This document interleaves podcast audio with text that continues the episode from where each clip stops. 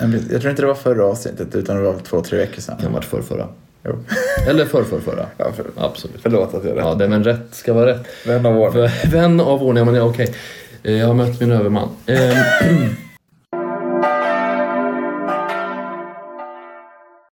Jag tror inte Gud vill plåga någon. Men vi människor, vi plågar oss själva.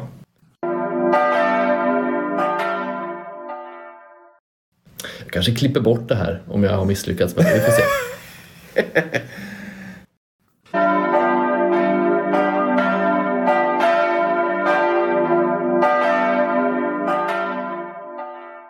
Hjärt innerligt välkomna till elfte avsnittet av den här podden som heter Lillhägsmål. Det är onsdag kväll, det är Linus Forsberg, det är Jim Lagerlöf. Vi sitter i ditt kök. Det gör vi. Fastan fortsätter. Hur går det med fastan egentligen? Ja, men det går bra. Jag, eh, vi satt och pratade om fastan för några veckor sedan och då hade jag inte riktigt landat i vad jag skulle fasta kring. Men det blev till slut att jag kände att en del av min fasta ska just vara det här att man ska få mer tid över till Gud. Man ska känna att man kan få mer tid till bön eller annat. Och då tänkte jag, vad i mitt liv upptar väldigt mycket tid? Men som jag, vad ska man säga, på något moraliskt sätt kan skala bort. Det vill säga inte typ studier eller annat för att det, det skulle bli problem. Ja. Och jag kom fram till det att jag lägger väldigt många timmar i veckan på att bara strökolla på YouTube. Så att jag fastar helt enkelt från ja, med YouTube, streamingtjänster, tagit bort alla sådana appar från min mobil. Det är en hård puck tycker jag. För jag tror många av oss just slökollar mycket. Scrollar va? Man gör ju det. Ja, men precis. Ja, och jag, har bara, jag har bara formulerat ett undantag kring fastan. Det är att jag ska ju iväg på en praktik. Och skulle behöva att jag kollar upp hur någon psalm låter och den inte finns på Spotify exempelvis. Då har jag tillåtelse att gå in på YouTube bara för att slå upp psalmen. Men då är det så att säga inte ett slökollande. Utan Det finns ju en man som jag inte vet vad han heter som jag tror bor i Finland. Som Tänker du på Mario? Ja, är det han? Jo, det är Han har Mario. spelat in. Jo. min, min fru hatar honom kan jag säga. Alltså, glöd, ett glödgat hat. Nej, inte honom som person, men just hans samling av, som jag då tycker, väldigt praktiskt. Han har spelat in eh, text och musik till en hel rad eh, psalmer. Väldigt bra just när man ska liksom komma ihåg en melodi eller Ja. minnas hur... Såklart, den, den musikaliska kvaliteten den lämnar jag till experterna att avgöra. Men, men, eh, men eh, jag har haft väldigt stor nytta av honom. Mm. Nej, men det har jag faktiskt också haft. Vi pratar ofta om Mario på Johannelund. Ja.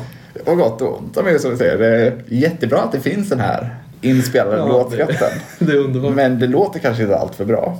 Nej, men, det, Men älskar Mario. Verkligen. Så det är det enda undantaget som finns. Men annars kommer jag inte ha någonting med YouTube och dylikt att göra. Nej, och jag vet inte om jag ska säga mitt. Jag har ju då dels olika matregler, att vi inte äter olika bullar och inte så mycket kött i fastan och sådär. Och det brukar jag, jag tycker det ofta är renande och det känns trevligt att det är så. Och det kan också inspirera till annan matlagning, att man blir bättre på att göra vegetarisk mat och så. Det är absolut positivt. Sen har, brukar jag ha en egen föresats. Och i år är min egen föresats att jag ska bli duktigare på att svara trevligt när jag blir irriterad. Och det är klart, de flesta människor märker aldrig av det här problemet hos mig. Men eh, några få utvalda som lever nära, de har kanske märkt att jag inte alltid svarar trevligt när jag är stressad eller, eller irriterad. Och eh, ska jag ta vara på den här fastetiden nu. Jag kanske klipper bort det här om jag har misslyckats med det. Vi får se. Ja, nej, men det är en bra tid fastan på den. Och det blir mer och mer vår. Det blir det. Jag är ju väldigt kalenderbunden kring mina årstider. Så att jag har ju haft vår sedan första mars. Sen första mars ja. Ja. Att jag tycker att det, det måste få finnas en tydlig objektiv ram som vi kan förhålla oss till. Så våren börjar första mars. Och just första mars ledde jag ett pubquiz. Och då var en av frågorna, vad är den meteorologiska definitionen av vår? Det är väl... Nu kommer jag kanske... Ja, du kanske vet alltså. Alltså jag har hört det på ett ungefär. Men jag tror väl att det är... Är att det ska vara minst plus 10 grader i det tre dagar. Eh, Den definition jag hittade var över noll i sju dagar i sträck. Okej. Då har man något meteorologisk vår. Jag vet inte, det kanske inte stämmer. Det låter ju trevligare med 10 plus tycker jag. Jag vet. Då är det liksom mer vår på riktigt kanske. Men eh, ja, när jag var, ju äldre jag blir, och jag säger detta igen, ju mer älskar jag våren. Ja, Mm. Så är det för mig. Ja, nej, men våren är bra. Mm. Förutom maj. Maj är ju den bästa årstiden. Eller månaden säger vi på svenska. Mm. Ja. Varför gillar du inte maj? Nej, men då är det... Jag tror att det är väldigt studiepräglat av mig. Att Aha. man är så nära sommaren. Oj. Man är så nära ledigheten. Mm. Men det är också då allting liksom, framförallt när man... Ja, det kan bli stressigt. Ja, ja men precis.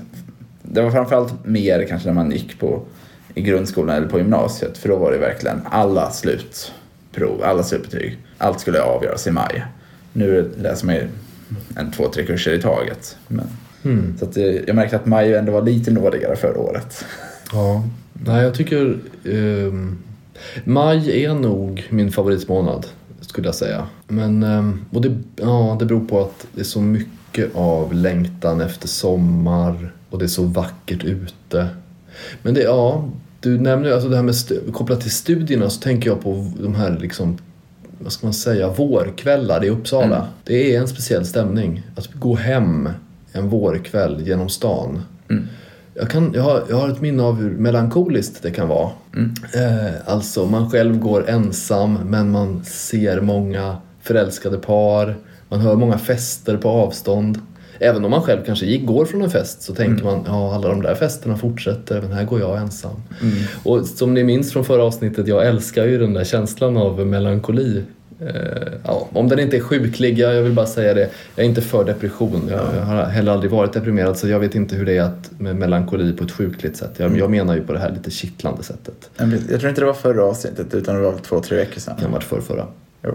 Eller förrförrförra. Ja, för, Absolut. förlåt att jag är Ja, rätt. det, men rätt ska vara rätt. Vän av ordning. För- Vän av ordning, ja, men okej. Eh, Jag har mött min överman. Eh, Linus Forsberg, jag ser att du sitter och sneglar lite grann på din telefon. Du har skrivit lite anteckningar. Vad ska ni läsa för evangelium nu på söndag i Svenska kyrkan?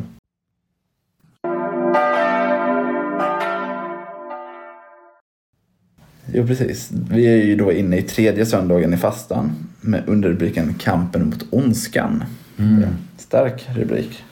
Och vi läser från Markus evangeliet, femte kapitlet, verserna 24 till 34.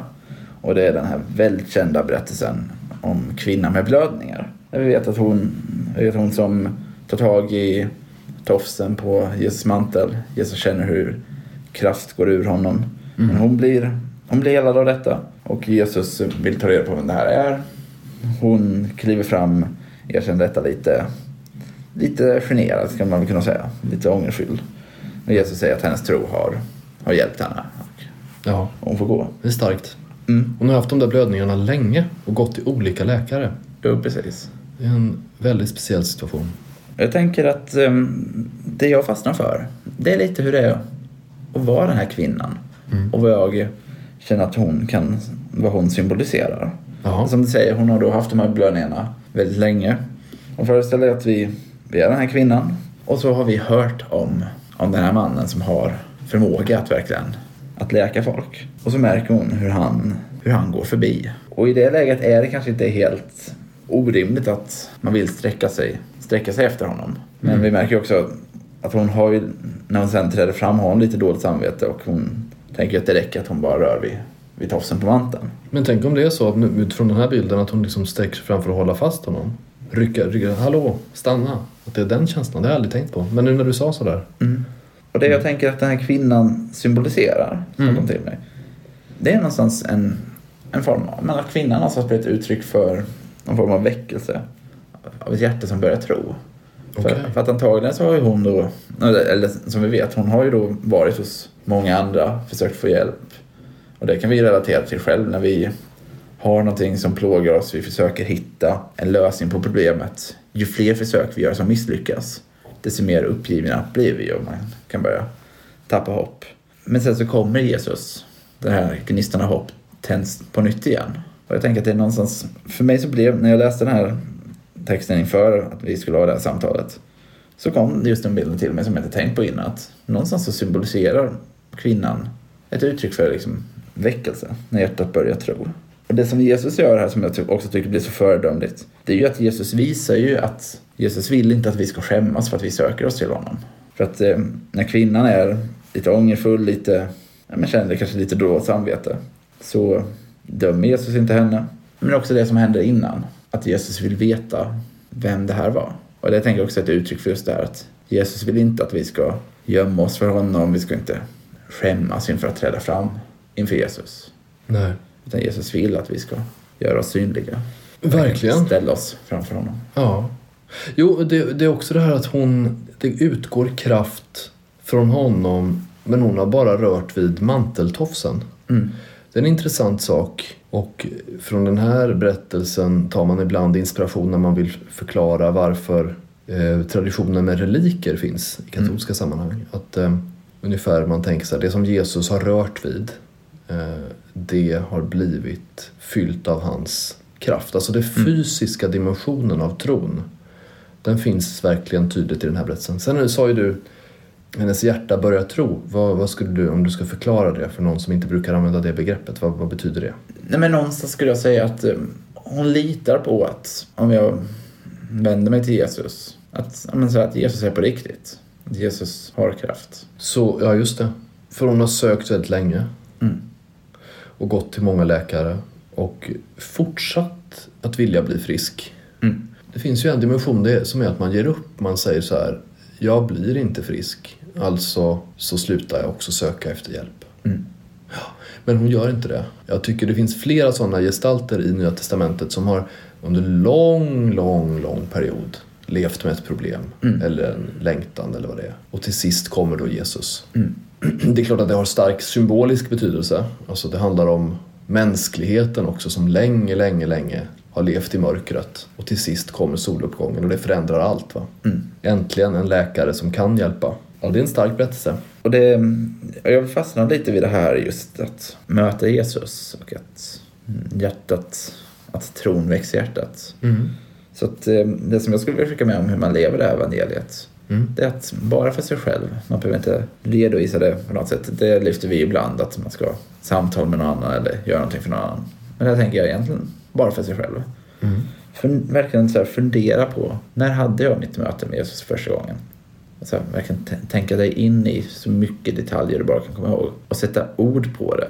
Försök formulera det för dig själv och påminna dig om det. För jag tror att många som levt med Jesus väldigt länge har liksom, ja men det, det blir en sån självklarhet. Men att gå tillbaka till när det här mötet, mötet först skedde. Jo, den första kärleken talas det ju om i Uppenbarelseboken till exempel att man ska återvända till sin första kärlek. Mm. Och att det finns risker med att vara långt borta från det där. Mm. För mig är det vissa platser som, som lockar fram den känslan hos mig. Alltså, Mm. Vissa platser. Sakristian på Sankt Davidsgården i, i, på, i Rättvik Mm. är en sån plats. Om jag går in där kommer jag väldigt snabbt i kontakt med vissa minnen. Mm. Samma sak med, med eh, här i Uppsala, Sankt Ansgars församling. Vissa kyrkor i Rom som jag var inne i för länge, länge sedan. Vissa platser. Mm. jag tror att det, har- ja, det har stor betydelse. Mm. Bra, nej men okej. Så tipset från dig Linus eh, till er som lyssnar det var alltså att försöka återvända till i minnet och försöka så tydligt som möjligt komma ihåg hur det var när ni träffade eller mötte Jesus Mm. första gången. Ja. Det är ett bra tips. Eh, En bra andlig övning.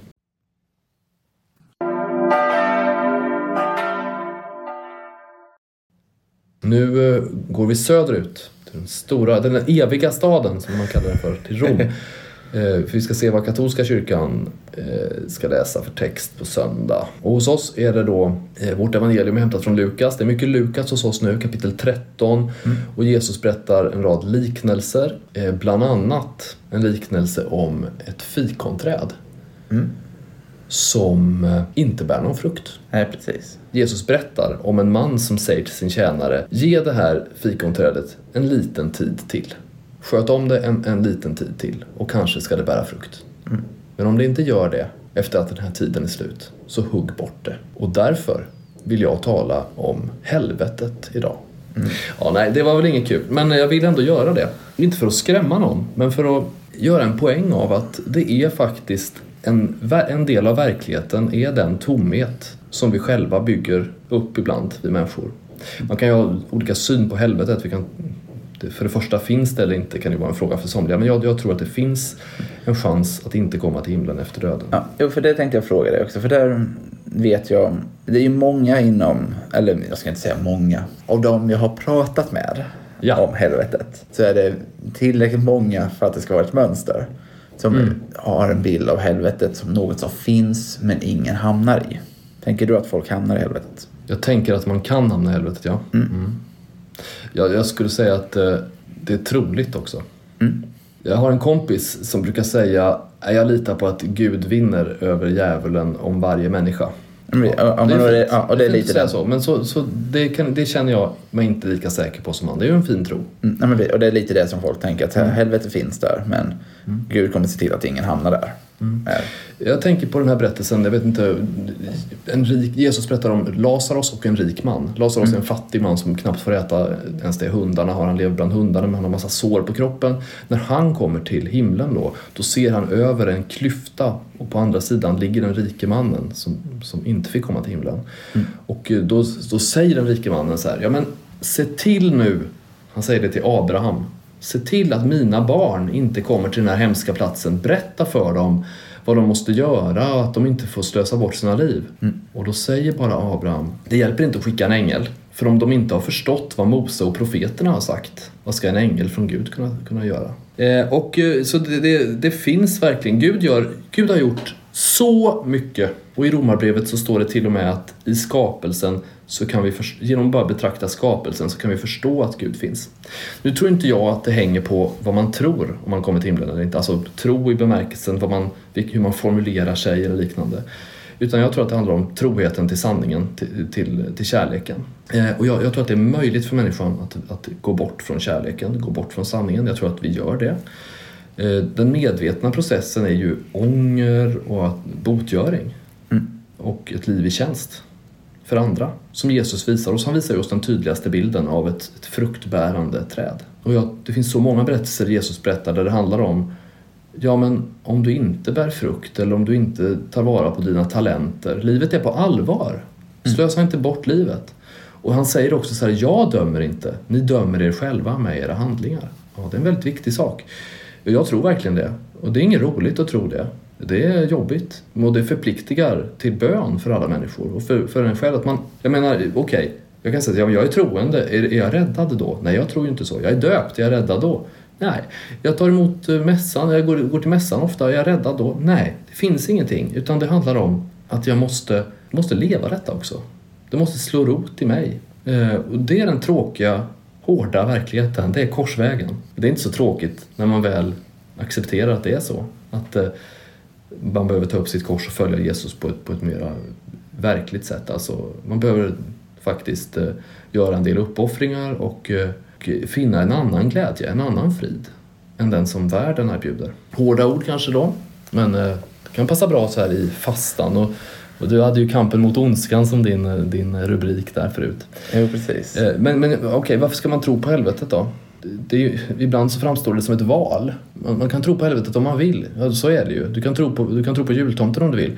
Jag tror att helvetet finns, inte för att jag vill att det ska finnas. Jag hoppas att alla kommer till himlen och jag ber varje dag för det. Jag ber för, till exempel, jag tycker man ska be för den stad där man bor, att alla levande och döda ska komma till himlen. Så det ber jag för varje dag.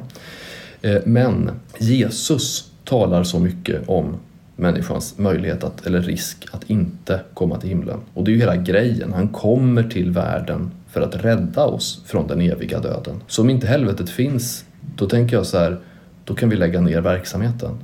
Om vi inte behöver rädda någon från den eviga döden.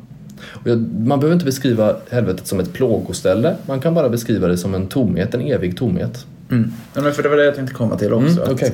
För att det är... Ja, men för där tror jag att många skulle kunna argumentera för just det. Att, ja, men, jag tror inte på ett helvete som i en plats där man faktiskt, vad ska man säga, är vid ett medvetande Nej. och man är Mm. låst liksom i all evig tid. Utan det finns ett himmelrike och sen finns det någon form av totalt utslocknande. Just det. Och att man skiljer på det här totala utslocknandet och helvetet. Det är en bra poäng. Jag hade en kompis en gång eller, som skrev eh, masteruppsats om eh, synen på helvetet genom olika perioder. Och då ville han säga att redan tidigt i kyrkan så fanns den här idén om, om helvetet som det eviga utslocknandet, mm. kallade han det för då. Eh, Och det är klart, eh, jag tror inte Gud vill plåga någon. Men vi människor, vi plågar oss själva. Och vi skadar oss själva. Och våra val och vad vi gör har betydelse. Sen är vi inte autonoma. Alltså det är inte så att jag kan välja 100% fritt för jag är inte Gud. Utan jag är ju en summan av andra människors val också. Mm. Eh, det är ju inte bara Guds nåd som såg till att jag föddes utan det är också mina föräldrars val. Det är ju en, det är en Gud, Guds nåd och naturen samverkar så ofta. Och därför så kan man säga så här, den som inte vet vad Gud vill och handlar fel och skadar andra, den personen ska väl inte behöva straffas lika hårt som den som vet vad Gud vill och så att säga spottar honom i ansiktet genom sina handlingar. Eh, för om jag vet att Gud tycker att jag gör fel, då måste jag ju komma till honom och be om förlåtelse, för han är Gud, inte jag. Mm. Men om jag inte vet det, då är det en annan sak. Och så tänker jag ju, jag tror inte det är så här att Gud kommer fråga, eh, vet du vem jag är? Vet du vem jag är? Till alla människor som dör. Och de, de säger nej, jag vet inte vem du är. Ja, då kommer du till helvetet. Så tror jag inte det funkar. Mm. Utan det är snarare, eh, har du le levt i, i min närhet, medvetet eller omedvetet? Det är klart att sakramenten och dopet och kyrkans väg är, det är Noaks ark, det är den stora, stora viktiga, så att säga, det är så man kommer till himlen. Att hoppa upp på båten och låta sakramenten, nåden, verka. Mm. Eh, men man brukar också få säga så här, Gud döper den han vill. Mm. Och jag tror inte att Gud vill att någon person som har gjort sitt bästa i livet etc. etc. men inte, inte vetat vad Gud heter. Att han kommer straffa den personen för det. Man kan lära känna Guds röst eh, på flera sätt, det är jag säker på. Mm. Men det här, här är då, det kan vi ju diskutera, för du är ju protestant, lutheran och så vidare. Ja. Eh, så tron är ju, man betonar tro på ett annat sätt. Kan du säga lite hur du tänker om det här? Om helvetet eller? Ja, men trons betydelse för att komma till himlen. Ja, men jag tror att tron, jag tror att tron spelar stor roll. Mm. Jag tror att man, men som du säger, så här, är man medveten om, om Gud, då ska man inte tänka tron räcker utan sakramenten. Utan så att säga, man ska inte aktivt välja bort sakramenten mm. för att räkna vad tron bär. Och det gäller både dopet och det gäller nattvarden också. Men med det sagt så omfamnar jag ändå också den. Det som säger att Gud döper den och vill. Det kommer inte vara jag eller varken jag eller någon biskop eller någon annan inom Svenska kyrkan kan med säkerhet säga liksom, du är, för dig kommer det gå si eller så. Nej. Utan det, det är till slut Gud som har den, den fullmakten. Jo, vi kan ju säga Gud, Gud tycker och tänker så här utifrån vi, när vi förstår skriften och traditionen. Men vi kan aldrig, vi, vi kan aldrig döma någon till helvetet eller till himlen. Mm. Vi kan inte säga så här, ja min mormor är i himlen. Vi kan säga så här, jag, jag ber att min mormor ska vara i himlen eller något annat. Mm. Det kan vi väl göra, men, men i min värld så det där är upp till Gud mm. och till hur vi har levt. Trohet, alltså jag tycker eh, troheten till Guds sanningar och Guds kärlek är det som avgör och hur mycket det avspeglas i våra liv. För Gud vill att vi ska bära frukt. Det är ju verkligen så, han vill det på riktigt. Mm. Ehm, men han vill heller inte, han vill inte någons död utan att alla ska räddas. Och han mm. vill rädda alla och han försöker hela tiden på olika sätt att rädda alla. Till och med de som du inte vill att han ska rädda så att säga. De, de vill han också ha med i himlen. Han vill det. Ja men precis. Och han kämpar. Och vi får väl på något sätt ansluta oss till den den kampen genom vår bön och vår, våra handlingar och eh, be om förlåtelse när vi gör fel och eh, lita på att han är barmhärtig och nådig, sen till vrede, rik på kärlek. Och det är kanske det som är hur man lever mm. är evangeliet. Att fundera på vad du gör för att utifrån vad, man tro, vad du tror komma bidra till att du kan komma till himlen och inte helvetet. Jag skulle nog faktiskt vilja, ja, absolut, uppmuntra människor att be för andras räddning. Mm. Och inte bara alla andra som inte tror utan be för alla i din församling till exempel. Mm. Att alla ska få komma till himlen. Och om du känner såhär, men vadå det behöver inte jag be för. Nej, varför inte det? Det kan vara en liten utmaning. Mm. Du kanske är så övertygad om att alla kommer till himlen. Och att eh, det där, Gud, det där är på Guds bord. Mm. Ja, men vad fint. Underbart. Vilken, vilken härlig tro det måste vara. Jag säger det uppriktigt. Vilken härlig tro att tänka att allt, allt det här är ordnat redan. Du kan ändå, tycker jag, lyfta fram, då kan du väl tacka Gud för det då. Tacka Gud för att alla kommer till himlen. Mm. Så får du se vad han svarar. Alltså ärligt, jag menar det på allvar. Jag säger inte raljant eller något annat. Och med de eh, sorgens och eh, dysterhetens och eh, de svavelosande orden så får vi säga tack så jättemycket för den här veckan till Linus Forsberg. Jag heter Jim Lagerlöf och om du vill, jag vet inte, du kanske har tappat sugen, så finns vi nästa vecka i ett nytt härligt avsnitt. Gud välsigne er allihopa. Hej då. Hej då.